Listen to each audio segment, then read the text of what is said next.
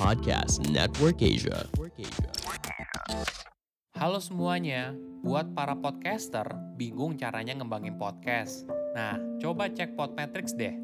Jadi, Podmetrics adalah platform yang bisa membantu kamu mulai dari ngeliat performa podcast kamu, nentuin berapa harga red cardnya, hingga monetisasi konten dengan merek yang cocok. Bukan cuma itu, Podmetrics juga bisa membantu kamu untuk mendapatkan inspirasi dalam buat iklan dari contoh yang sudah ada. Yang paling terbaru, Podmetrics juga punya fitur Pod Earnings dengan berbagai metode pembayaran. Jadi, memudahkan banget untuk mendapatkan penghasilan dari Podmetrics. Tunggu apa lagi? Yuk daftar Podmetrics, masukkan kode referralnya melalui link yang ada di deskripsi ya.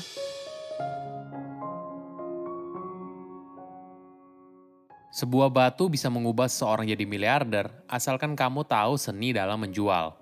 Halo semuanya, nama saya Michael. Selamat datang di podcast saya, Sikutu Buku. Kali ini saya akan bahas kisah inspiratif dari Gary Dahl yang merupakan penemu dari Petrock. Jadi, Gary menjual batu sebagai hewan peliharaan dan mampu terjual hingga 1,5 juta piece. Hingga akhirnya dia menjadi miliarder. Sebelum kita mulai, buat kalian yang mau support podcast ini agar terus berkarya, caranya gampang banget. Kalian cukup klik follow. Dukungan kalian membantu banget supaya kita bisa rutin posting dan bersama-sama belajar di podcast ini.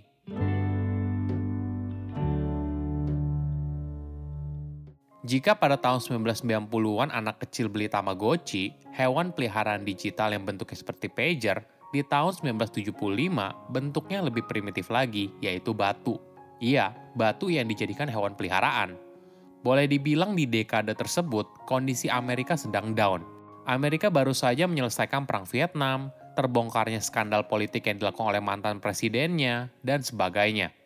Ibaratnya saat itu, banyak sekali berita negatif. Nah, ketika sebuah fenomena batu yang dijadikan hewan peliharaan muncul, seketika langsung heboh dan media lalu memberitakannya di mana-mana. Menurut Gary, warga Amerika saat itu butuh Petrock sebagai hiburan dari begitu banyaknya hal negatif yang terjadi. Saking suksesnya, Petrock bahkan dinobatkan sebagai salah satu skema pemasaran paling sukses yang pernah ada. Di berbagai acara pesta, banyak orang suka bercanda kalau mau jadi kaya harus investasi di Petrock masa depan. Gary Dahl lahir pada tahun 1936 di Amerika Serikat. Dia awalnya bekerja sebagai copywriter iklan di California. Ide Petrock muncul saat Gary sedang pergi minum-minum bersama temannya di sebuah bar. Temannya lalu bercerita soal hewan peliharaan. Mereka mengeluhkan soal biaya makannya, biaya ke dokter hewan, bulu hewan di mana-mana, belum lagi ada drama di rumah saat perabotan rumah habis dirusak oleh hewan peliharaan. Gary mendengar hal ini lalu berpikir, hmm, sepertinya bisa jadi peluang bisnis yang menarik nih ketika ada hewan peliharaan yang tidak perlu perawatan. Saat itu kondisi keuangannya juga sangat memprihatinkan.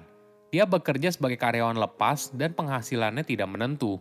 Gary lalu berpikir, ini mungkin peluang untuk mengubah hidupnya. Dia lalu membuat presentasi dan berusaha mendekati berbagai investor. Gary berargumen, sebuah batu Meksiko ini bisa dijual dengan harga mahal apabila dipersepsikan sebagai hewan peliharaan. Hingga akhirnya, dua rekan kerjanya menjadi investor dan menaruh dana sekitar 10 ribu dolar atau setara dengan 140 juta rupiah. Uang yang tidak sedikit di tahun 1975. Apalagi mereka berdua tahu kalau investasi ini punya peluang besar untuk gagal, karena ibaratnya menjual barang yang tidak berguna. Gary lalu mengambil batu itu dari sebuah pantai di Meksiko dan mempersiapkan produknya. Hingga pada bulan Agustus 1975, Gary menjual produknya di sebuah pameran cenderamata di San Francisco dan menunggu apakah ada yang bersedia membelinya atau tidak. Ternyata ada. Masyarakat paham apa yang dijual oleh Gary, dari situ penjualan Petrock terus meningkat. Saat musim liburan Natal dan Tahun Baru, dia berhasil menjual 100 ribu Petrock sehari. Hingga akhirnya, total penjualan Petrox mencapai hingga 1,5 juta piece selama fenomena itu berlangsung para investor mendapatkan 200 ribu dolar atau setara dengan 2,8 miliar rupiah atas hasil investasinya. Bahkan, Gary menghadiahkan para investornya masing-masing sebuah mobil mewah Mercedes. Maklum saja, dia meraup 95% keuntungan dari setiap petrok yang dijual. Perlu dipahami, sejarah soal petrok bukan tentang batu, tren aneh ini sejak awal bukan karena batunya yang populer. Kalau memang karena batunya, maka orang akan berbondong-bondong ke pantai untuk mengambil batu tersebut dan dibawa pulang.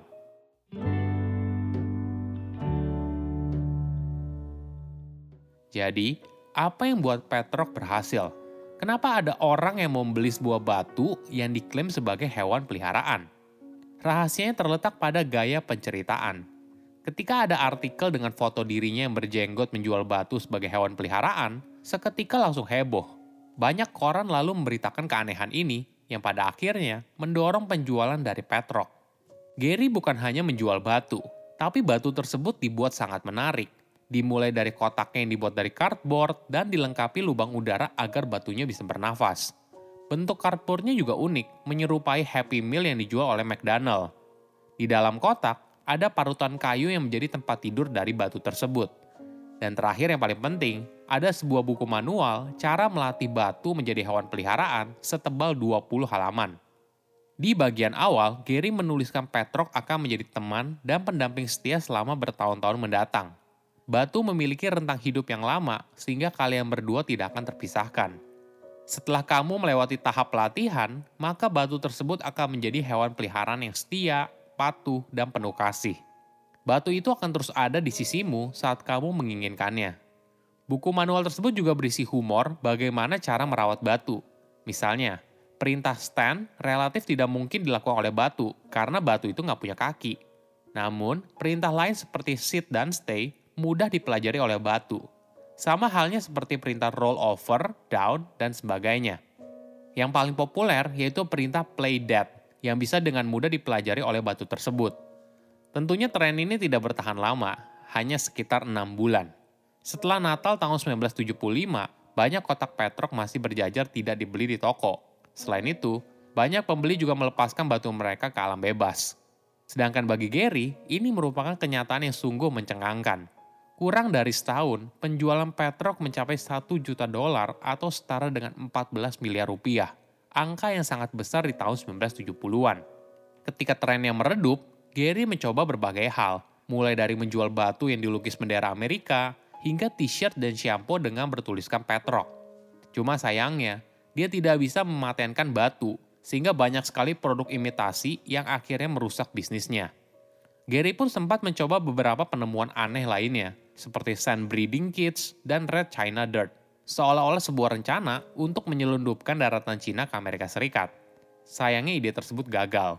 Walaupun begitu, Gary menggunakan uangnya untuk mendirikan agensi periklanan dan hidup nyaman hingga akhir hayatnya. Nah, kamu tertarik untuk beli Petrok? Saat ini, sebuah perusahaan bernama Rosebud Entertainment menjadi pemegang merek dagang Petrok dan mengoperasikan website petrok.com Perusahaan tersebut menjual Petrok kembali ke toko pada tahun 2012 dan kamu bisa membelinya secara online dengan harga 19,95 dolar atau setara dengan 279 ribu rupiah.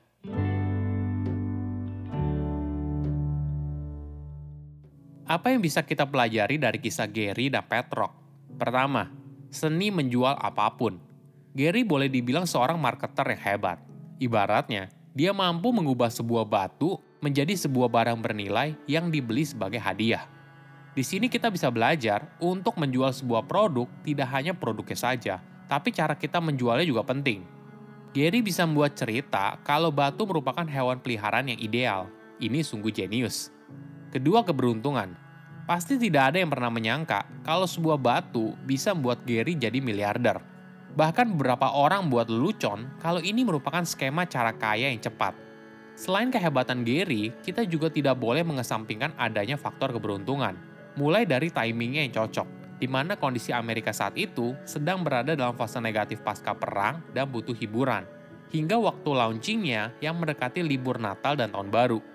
Ini merupakan waktu yang tepat untuk memberikan hadiah kepada orang lain, dan tentu saja kado yang unik bisa berupa batu yang jadi hewan peliharaan.